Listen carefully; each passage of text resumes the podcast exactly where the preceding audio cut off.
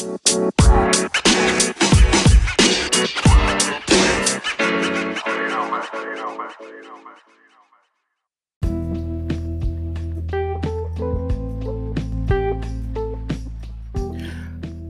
Assalamualaikum warahmatullahi wabarakatuh. Balik lagi bersama saya Aditya Halim Perdana Kusuma Putra aka Aditya Trojan. Kembali mengudara buat kalian di pukul 17 lewat 34 menit waktu Indonesia Tengah di tanggal 13 Oktober 2021. Nah, seneng banget nih rasanya bisa balik lagi untuk bisa mengisi materi Uh, ya karena beberapa kesibukan ya, terutama untuk masalah mengajar, meneliti dan seterusnya. Uh, plus ada beberapa waktu yang waktu kerja saya itu shiftnya diperpanjang dari dari jadi kerjanya mulai dari pagi sampai hampir ketemu pagi. Namun itu tidak mematahkan semangat saya tentunya untuk bisa memberikan materi yang bermanfaat buat para pembelajar di bidang marketing di mana pun kamu berada. So, uh, pada kesempatan dan di sesi ini, saya akan menjelaskan ada dua konsep secara garis besar. Yang pertama adalah lingkungan daripada bisnis. Jadi sebelumnya kan kita udah banyak nih mengupas tentang marketing, strategi pemasaran dan juga persoalan eksternal dan internal faktor daripada konsumen. Nah, pada sesi kali ini kita keluar sedikit melalui helikopter view kita bisa menjangkau tentang pengenalan dan arti penting daripada lingkungan bisnis. Yang kedua adalah tanggung jawab sosial yang dilakukan oleh para entitas bisnis untuk kita semua kepada masyarakat. Oke, tanpa berwak uh, tanpa berlama-lama ria, saya Aditya Trojan. Let's get started.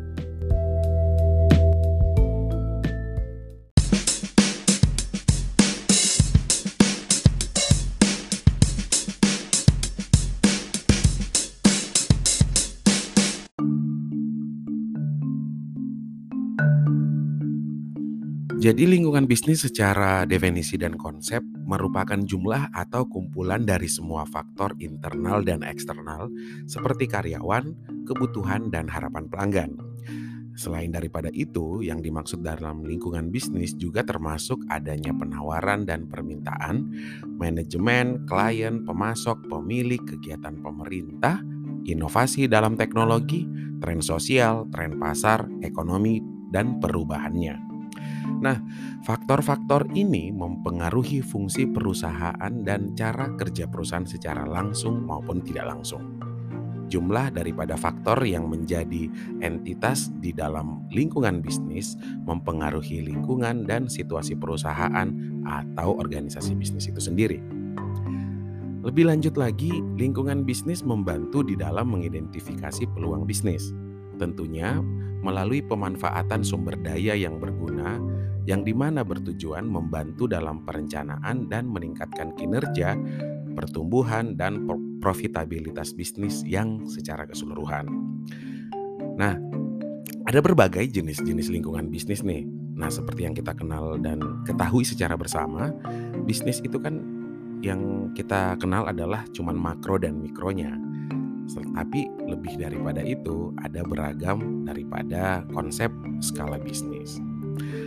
Lingkungan bisnis itu secara komponen ya merupakan aspek terpenting dari bisnis apa pun. Kekuatan yang membentuk lingkungan bisnis adalah pemasok, pesaing, media, pemerintah, pelanggan, kondisi ekonomi, investor, dan berbagai institusi lain.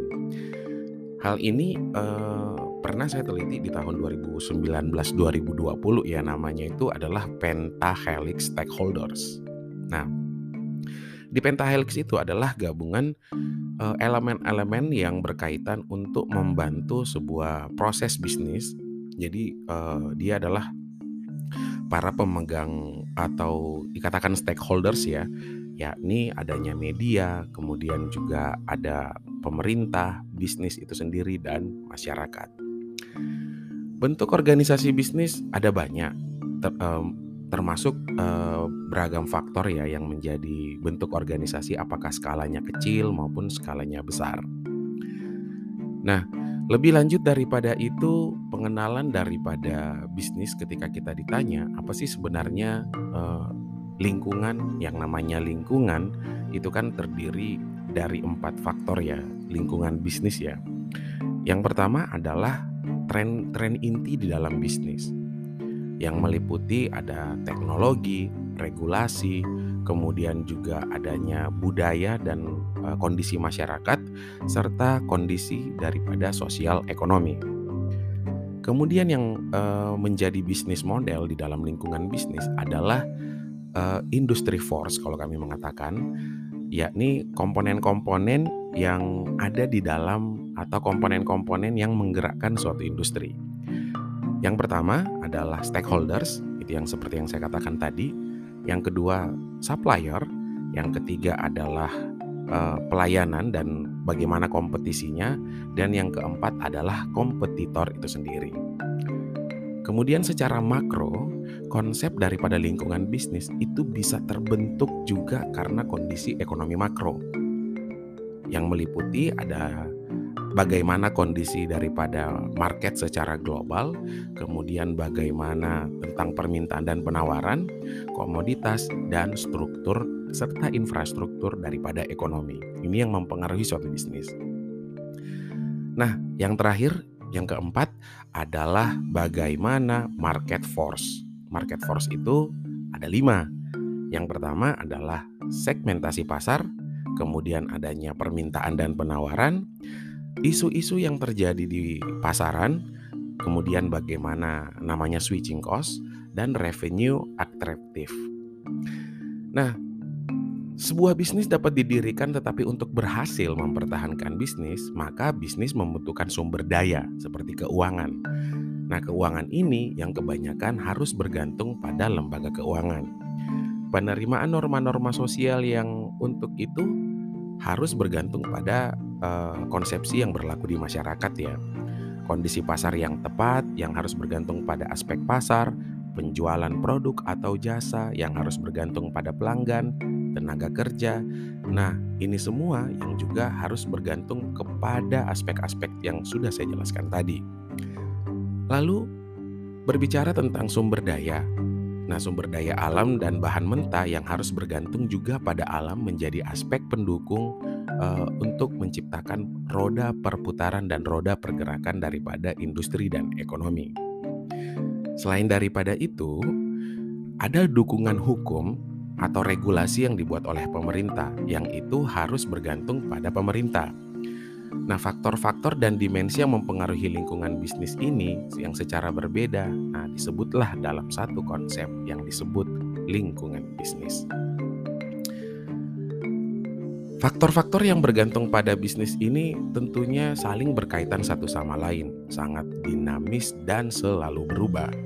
Misalnya kayak gimana misalnya seperti tren pasar atau katakanlah misalnya ada UMKM yang uh, membuat batik atau uh, eh, UMKM yang membuat uh, usaha percetakan baju sablon ya. Nah, tren daripada usaha mereka itu sangat bergantung kepada permintaan yang terjadi ataupun mungkin tren-tren yang tren dalam artian style ya. Jadi Tren itu ada dua konsep dalam konsep statistik dan juga ada namanya konsep dalam arti tren dalam bentuk gaya. Ketika kita bicara tren dalam konsep statistik yakni adanya pergerakan naik dan turun. Sedangkan tren yang dimaksud di dalam gaya hidup atau kehidupan sehari-hari adalah apa yang nampak secara visual. Jadi balik lagi, Misalnya bicara ada UMKM yang bergerak di bisnis percetakan baju sablon ataupun bisnisnya bergerak di bidang uh, garment lah katakanlah garment ya. Bisnisnya itu selain terkait karena persoalan tren yang sedang terjadi di masyarakat, juga bisnisnya dipengaruhi oleh penawaran serta permintaan daripada katakanlah simpelnya benang. Benang, kapas dan seterusnya. Nah, faktor-faktor inilah yang akhirnya akan membentuk namanya elastisitas permintaan, elastisitas penawaran, elastisitas harga, dan lain sebagainya. Perubahan kebutuhan pelanggan dan inovasi baru di pasaran juga merupakan bagian daripada lingkungan bisnis. Tantangan bagi para pelaku bisnis di era teknologi seperti sekarang adalah bukanlah memasuki pasar, tetapi sebenarnya bertahan di pasar. Bertahan di pasar berarti beradaptasi dengan perubahan secepat mungkin. Oleh sebab itu, untuk ber, e, beradaptasi dengan perubahan, yakni haruslah menyadari konsep lingkungan bisnis.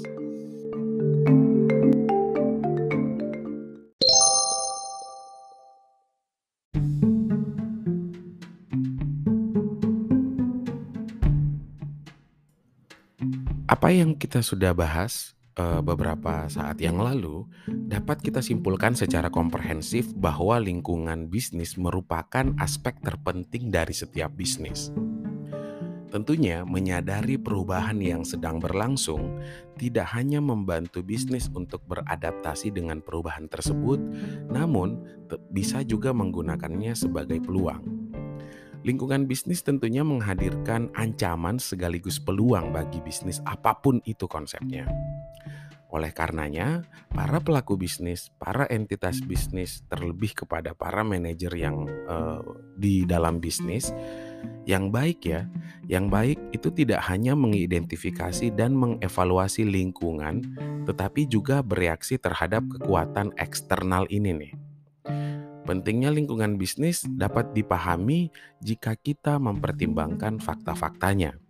Fakta-fakta apa itu? Yang pertama adalah lingkungan bisnis memungkinkan untuk mengidentifikasi peluang bisnis.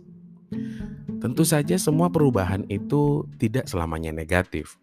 Jika kita ingin mencermati dan memahami serta mengevaluasi konsep daripada perubahan yang terjadi, maka hal tersebut bisa menjadi alasan uh, sebuah kesuksesan daripada bisnis.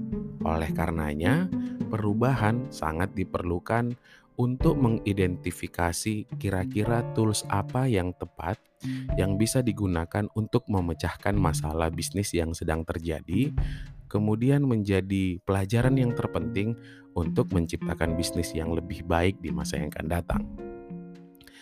Yang kedua adalah membantu untuk menyiapkan serta menyediakan sumber daya yang lebih berguna. Pemindaian yang cermat terhadap lingkungan bisnis dapat membantu di dalam memanfaatkan sumber daya yang berguna yang diperlukan oleh bisnis. Hal ini e, membantu perusahaan untuk e, mendeteksi, melacak, menyiapkan, dan menyediakan sumber daya dan mengubahnya menjadi produk yang termasuk dalam konsep barang ataupun jasa. Yang ketiga adalah tentunya mengatasi perubahan.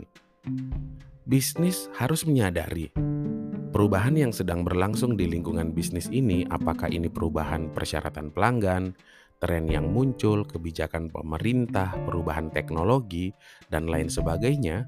Ini semuanya adalah uh, konsep atau model daripada perubahan yang kerap terjadi dan sangat dinamis. Jika bisnis menyadari perubahan rutin ini, maka dapat membawa respon untuk menghadapi perubahan tersebut. Salah satu contohnya misalnya seperti ini nih. Ketika uh, waktu itu pasar uh, operating system Android sedang berkembang dan pelanggannya lebih memilih Android karena proses interface dan aplikasinya yang mudah. Nah, Nokia gagal mengatasi perubahan tersebut nih dengan tidak menerapkan uh, operating system Android pada perangkat Nokia. Kendati pun misalnya Nokia belakangan ini uh, membuat uh, produk mereka yang terakhir ini dengan menggunakan iOS Android ya namun lagi-lagi karena terlalu lama ya terlalu lama mengatasi perubahan sehingga Nokia gagal untuk berinovasi. Yang keempat adalah uh, lingkungan bisnis membantu perencanaan. Hal ini uh, merupakan aspek lain dari daripada pentingnya lingkungan bisnis. Perencanaan yang murni berarti apa yang akan dilakukan di masa yang akan datang. Ketika lingkungan bisnis menghadirkan masalah atau peluang, ya balik lagi ya terserah pada bisnis untuk memutuskan rencana apa yang harus dibuat untuk mengatasi masa depan dan memecahkan masalah atau memanfaatkan peluang ataukah memang mereka lebih memilih untuk uh, menjadi silent reader. nah, Jadi banyak rencana yang harus dilakukan karena adanya perubahan-perubahan yang terjadi uh, di dalam lingkungan bisnis secara dinamis. Selain daripada itu, mengetahui aspek daripada lingkungan bisnis tentu saja membantu kita para pembelajar marketing maupun uh, para pebisnis adalah untuk meningkatkan kinerja. Oleh sebabnya, perusahaan yang secara menyeluruh memindai lingkungan mereka tidak hanya berurusan dengan perubahan yang disajikan, namun juga berkembang bagaimana menyikapi perubahan tersebut, kemudian menyiapkan tools, strategi, dan taktik mereka agar kinerja bisa dapat lebih ditingkatkan. Oke, terima kasih. Uh, mungkin itu yang ingin saya jelaskan kepada kalian semua, para pembelajar marketing di mana pun Anda berada. Semoga apa yang tersaji dapat menambah wawasan yang lebih komprehensif lagi terkait daripada lingkungan bisnis. Saya Ditya Trojan, sampai ketemu di kesempatan berikutnya. Bye-bye.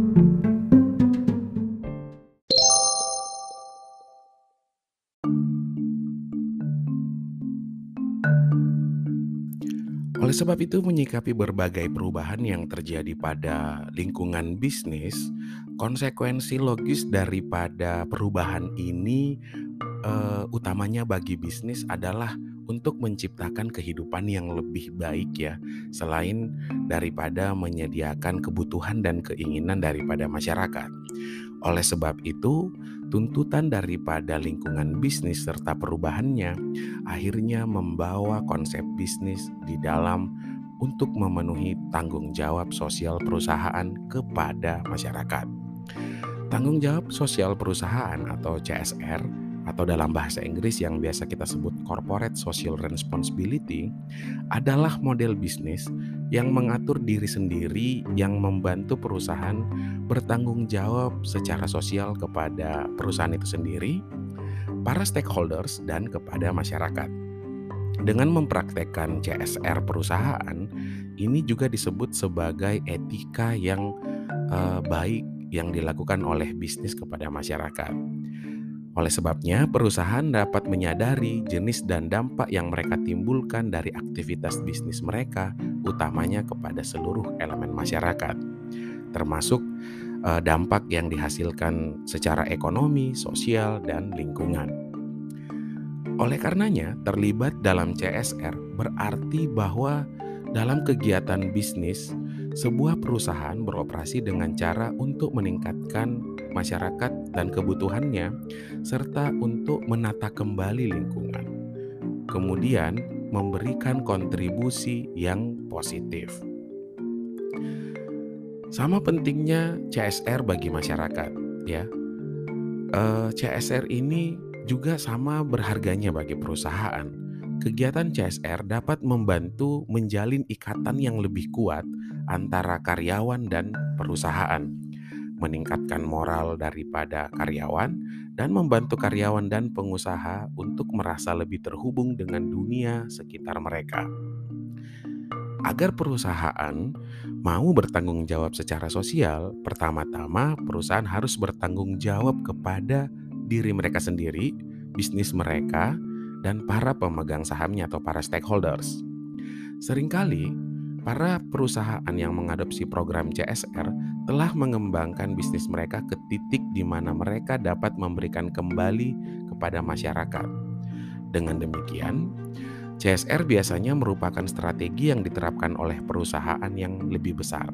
Padahal, baik skala besar maupun skala kecil, persoalan CSR itu bisa dilakukan ya. Nah, lagi pula, semakin terlihat dan sukses sebuah perusahaan, maka tanggung jawabnya pun semakin besar. Semakin besar tanggung jawabnya baik secara materi maupun non-materi dan kemudian menetapkan standar perilaku etis bagi eh, rekan-rekan pebisnis mereka, kemudian komponen pesaing serta industrinya. Ada beragam contoh uh, tanggung jawab sosial. Misalnya katakanlah uh, untuk skala industri seperti yang bergerak di bidang food and beverage ya, katakanlah Starbucks ya.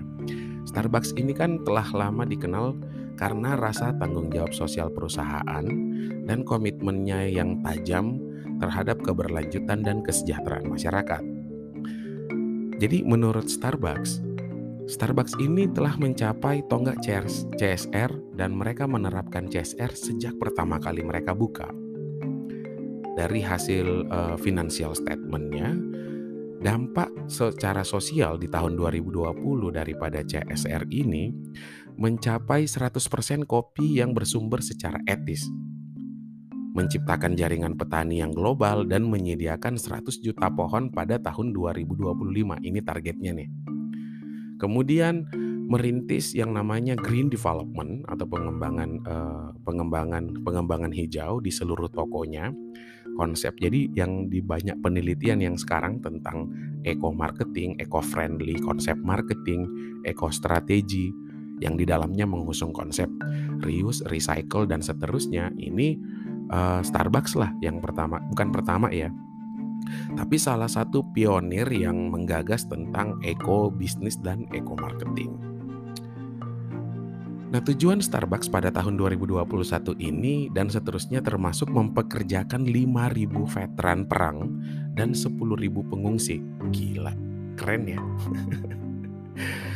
ya tentunya untuk mengurangi dampak lingkungan daripada cangkirnya yang mungkin mereka pakai plastik. Nah, eh, eh, bukan uh, bukan mereka pakai kaca ya, mereka pakai plastik yang sekarang mereka kembangkan adalah plastik yang konsepnya daur ulang. Dan target mereka melibatkan karyawan di dalam aspek kepemimpinan lingkungan. Masih dengan Starbucks, di tahun di, di tahun 2020 laporan keuangan mereka juga menyebutkan bagaimana Starbucks berencana membantu dunia di dalam menavigasi pandemi corona nih. Tanggapan perusahaan terhadap pandemi berfokus pada tiga elemen penting dari Starbucks.